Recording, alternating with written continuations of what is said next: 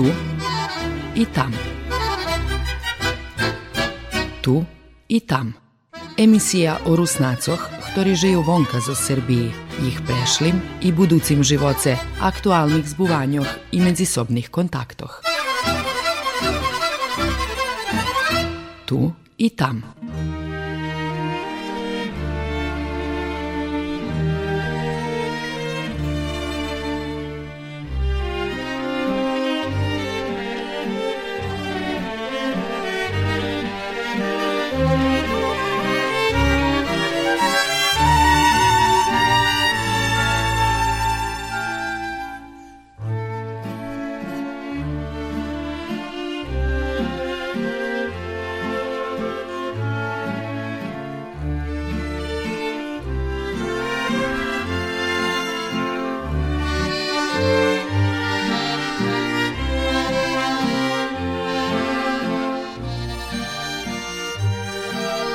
Dobri dzień, poczytowani słuchacze. Unieszkajsze emisiji uczece Rusvarku zo Samantu Rad Stojeljković zo Lvova u Ukrajini. Samanta zo z ruskog a jak bi sama povedla, ljudi ju poznaju jak zivku Mika Trunara. Odate za človeka zo Zleskovcu imaju dvojnjata, dzivčata od 12 roki. Ich odchod do Ukrajini ima filmsku pripovetku. Mi z familiju, to jest no, e, človekom i e, s djecmi, u 16 року прийшли до України. Причина у нас була також така, у нас були проблеми у Сербії, і ми в Україні достали політичну защиту при ті проблеми, які ми мали у, у Сербії, які тривали два роки, і вже не було, ну, не могли ми витримати і прийшли до України. Ja otrimувала погрози е, і по інтернету, і на телефон, і е, лім pretože потримала Україну, keď почали тут у Україні проблеми політичні, і війна, і та революція, і мені знайшли на інтернету такі то ті, е, ну, як прорусські невладові організації, I no ja думала, że to nie ozbiljne daco, bo ta na internetu jest no, rіжні люди там і але ведь уж умішала і міліція, і я часто до Beogradu аж до кабінету председника ходила, і до ну, міліції, у бій сам стално була. І уж нам і дали защиту, поліція нам чувала і дом, і нас I to було барс чешко, так žic i no, ja не mogla na robotu ходити, дітям було забранjene до води, а, було наказане не, не двигати з рулетни, шедити дома і то було якось таке. Ну, не могла так довго жити і я говорила, що то не, ну, що то, ну, я, я не могла так з дітьми бути стално закрита у хижі і скривати od когось. І так ми рішили у децембру позбирали же до авта і, і прийшли тут. Я до України ходила як е, туристично на, на фестивалі. Е, ті ж так мені у Львові два роки до того, як ми прийшли ту е, віддата книжка. Мала сам ту гей пайташок і познатих, takže знала сам. І, і, і, дру, і люди тут знали, що це ще случує у Сербії з нами i oni boli upoznati, že mi máme prísť, fino nás tu dočekali, pomohli. My perše pošli na, do Zakarpatskej oblasti, pretože tak ako je napravené, že kto za to tu zaštitu tu як да повем, конкуріше, спочатку мусить документи покончити там. U celej Ukrajini, jaka bardzo wielka, jest tri taki centri. U Kijewie, u Odesi i na Zakarpatju. Думам, Kijev i Odesa meni to bardzo daleko i tam sam nie mala tak baš veľa poznatih. Takže sme žili tri roki uh, na Zakarpatju. Tam sme spočatku i dokumenti robili.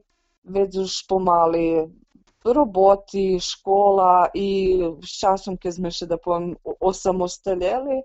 за краткий час ми у Швеції ні, ані не жили, да повем, як деякі ту, як люди говорять, із біглиці, а самостійно ми ще склоняли від wszystkiego і, ну, При роботу главно ми ще селіли ще до векшого места і teraz už другий рок ми аж пошли до другої області, до Львова. Tu robimy i ja i człowiek isto, dzieci u szkole. Także sme zadowolni. Jakoż i u Lwowie mi краще, jak na Закарпатті. Veće можливості є za діти, farim i za роботу, velika razlika stvarno i u plaćoh. Львов, наприклад, і, і хоч Ужгород ще рахує як центр Закарпатської області, велика розлика між ним і між Львовом. Думам, Львов і барз великий, 700 тисяч людей тут живе, і вон познати Львов як туристичне, як європейське місто. Стварно, барз, барз тут супер.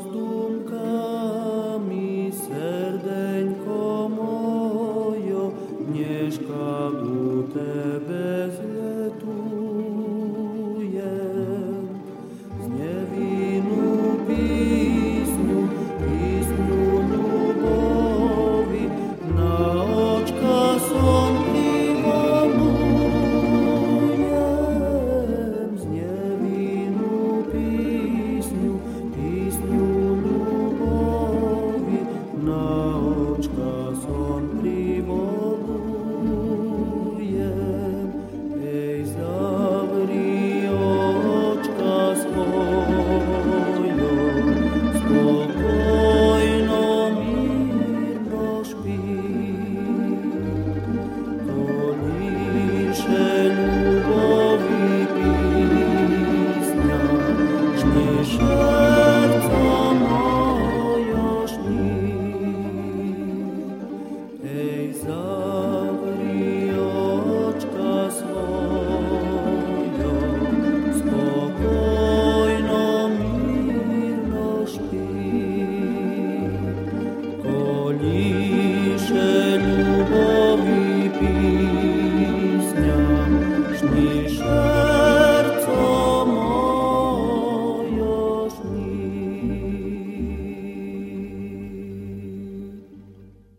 Za svoje angažovanje 2016 roku Samanta dostala državni orden za česti patriotizem, a pre i angažovanje i pomoc po čast vojni na Vostočnoj Ukrajini. Tih dnjoh ih život u Ljvove veljomir Teraz robim u kompaniji Nestle, jak e, finansijski menadžer.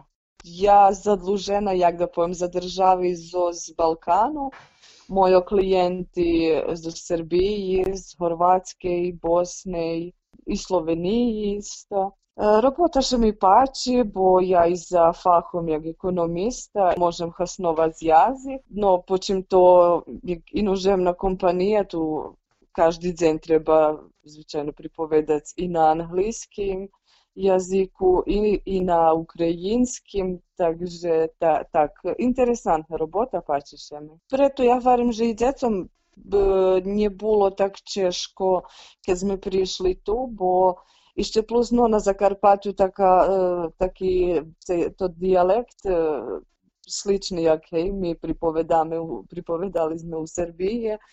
Бо ту у Львові, наприклад, уж іншак, ту чиста, чистий український язик, а на Закарпатті був такий специфічний діалект, який, говорим, сличний, як наш русський. По тих університетах, наприклад, у Львові, да повім людях, які ще займаються культурою, історією, ще думам знаю. Знаю за Гаврила Костельника, знаю, думам вон ту похований. Знаю за руснацох, але не, не так bardzo wielu людях, як на Закарпаттю. На Закарпаттю bardziej ще то зна. Думам, що до того, як да повім, і, і наші руснаці з Сербії частіше, як да повім, гостюю на Закарпаттю, як у Львовській області, книжки ще гей, промовіше у Закарпатській області, фестивалі такі, jest, gdzie uglavnom hejše prichodzi zo Srbiji, mm. ali to uglavnom na Zakarpati. Takže u Lvove nije tak bar. Teraz ostatnji da može biti za 6 roki, tu potvarali veljo inožemni kompaniji svoje odzeljenja, da povem, i uh, baš to ti ukrajinski odzeljenja zadluženi za za Balkan, za, za, jak da povem, za klijentov, za jakušik ekono, ekonomičnu to tu saradnju або таке, баж є, да повем велю, барз велю компанії, які глядають роботників з знанням хорватського або.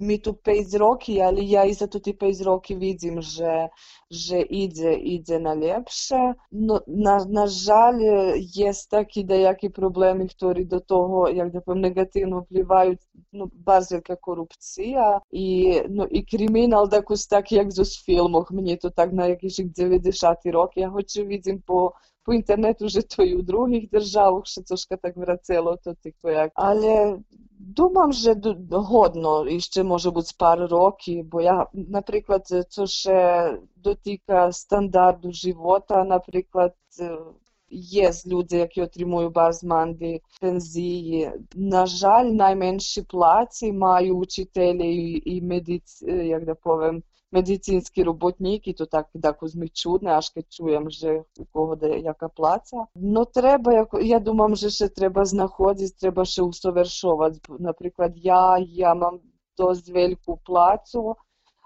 і то шицько, дякуючи тому, що знам шесть як страни язики, і ту на тій роботі де робим, якраз тут баш є такий програм бонус, на на placu ще отримує премія на кожний, кожний язик, які, з яким ще ви служите. Takže ще є з якихось предносилем, ще треба трудити, знаходити.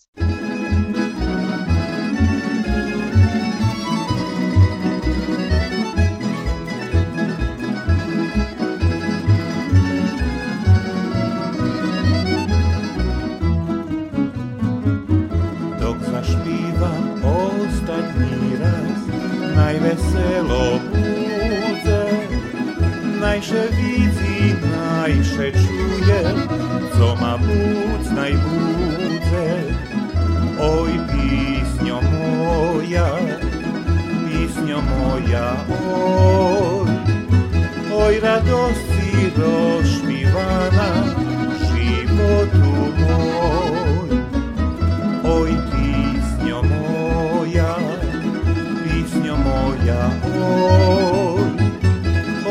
mladosti došpivala životu moj.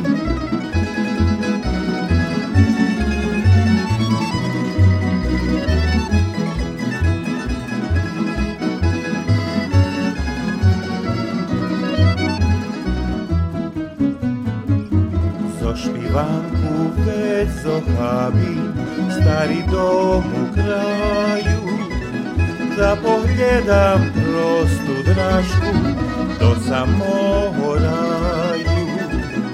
Na ich se verím, verím aj znám krásnu písňu i špívačov čekajú i tam.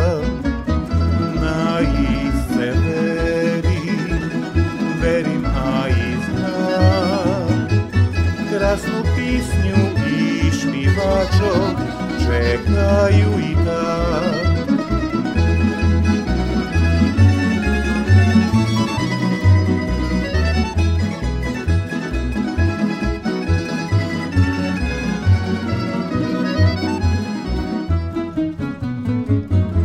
veselo braca mojo, struni naj pukaju, najše čuje ke pudaci, stuši zašpivaju. Oj, pisnjo moja, užna i se znam, tebe pisnjo moja mila, ja už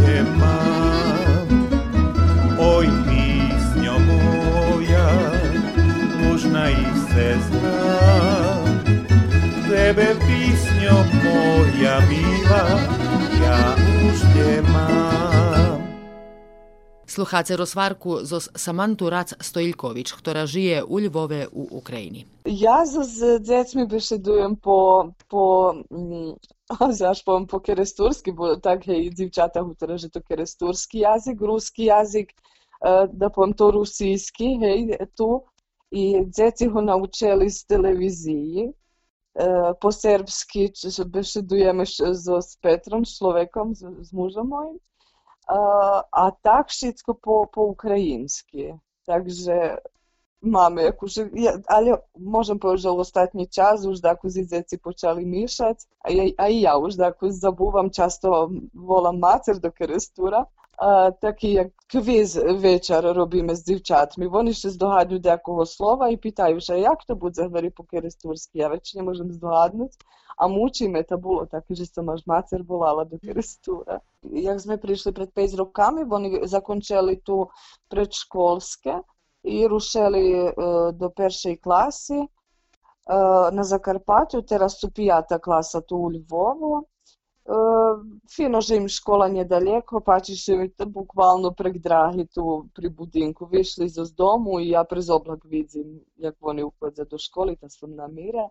Ne treba im putovat daleko, hej, bo to veliki varoža, bo da co take.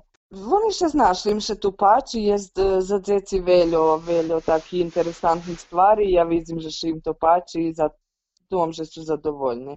Može biti hej, mi u Keresture to mali valal, a tu veliki varoš može biti i to hej, rozlika, ali fino, fino tu. I djeci še druža, i škola, tako to to čudne, že oni še teraz rachuju jak srednjoškolki, bo tu osnovna škola do e, štiri klasi, a već od pijate i pod devjatu še rahuje jak srednja.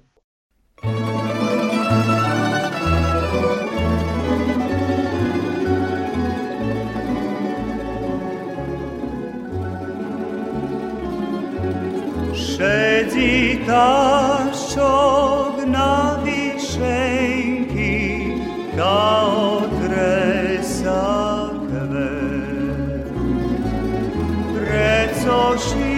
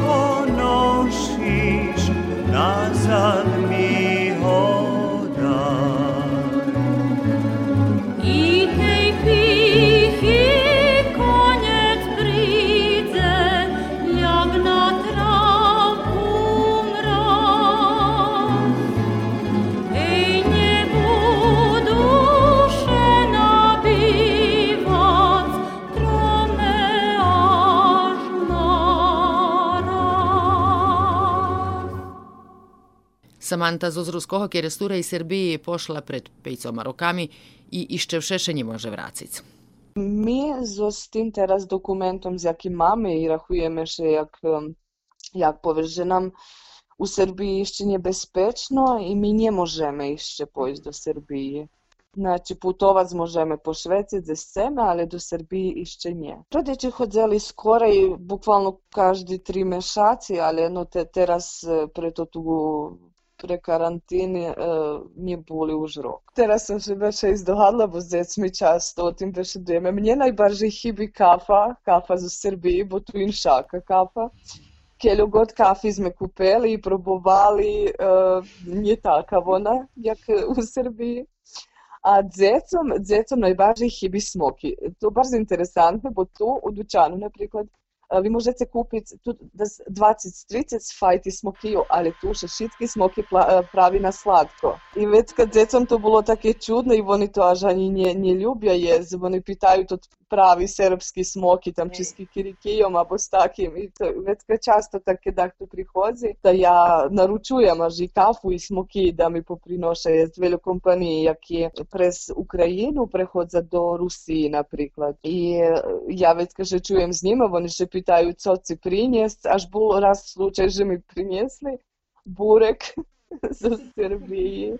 I no ja varela, da ja še šaljela, da nie trebali ste prinošiti, zvari ja zname, zname, že puno to šala taka була, ali fino таке. Так, якісь обичаї, да повім, що ми бар, да, б- цілком нові, я не знам, то E,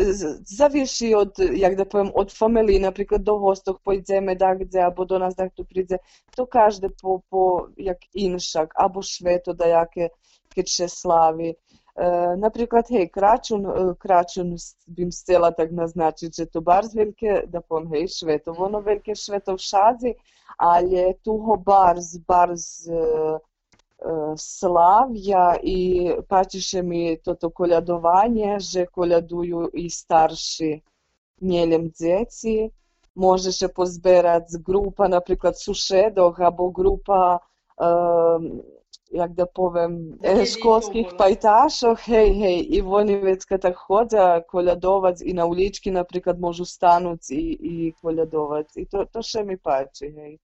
takide aquistário, vjazikulturi, doamježe tu barjei eh, do trimuje toho i pačašemi tudi festivali, tudi jest eh, i Huculski i Lemkovski, mm -hmm. Stovon i Bars, tak da povem, eh, velju ljudeh prihodzi na tudi festivali.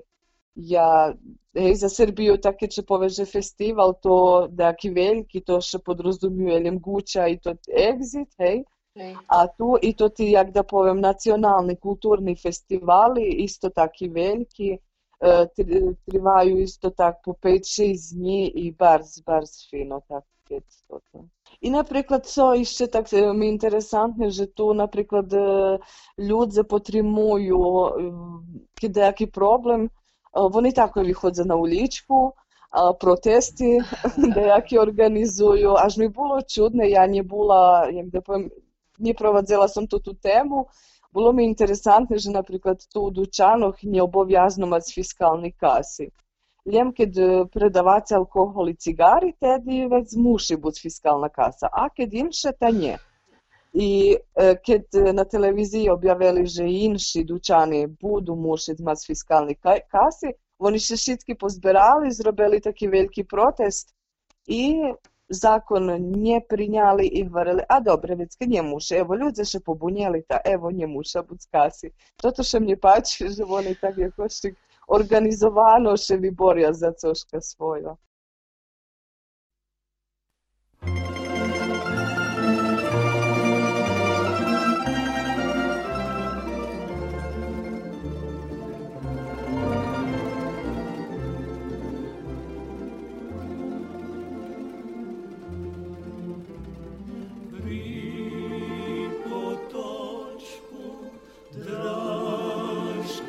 Stoji, pri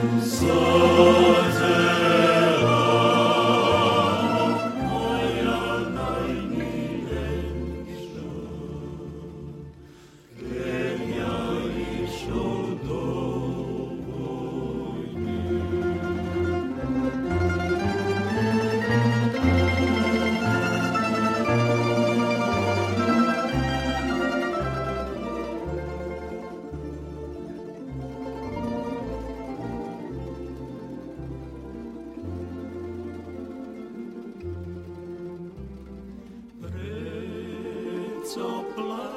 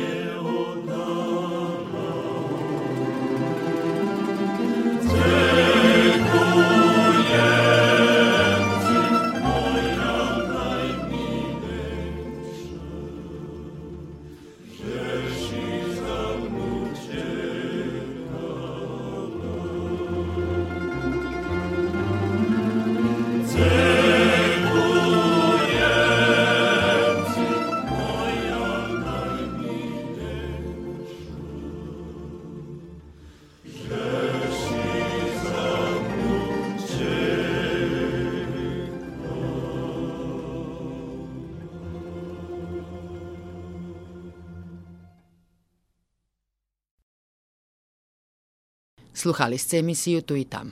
Ja Olja Homova. Do posluhanja. Tu i tam. Tu i tam. Emisija o Rusnacoh, ktorí žijú vonka zo Srbiji, ich prešlim i buducim živoce, aktualnih zbuvanjoh i medzisobnih kontaktoh. Tu i tam.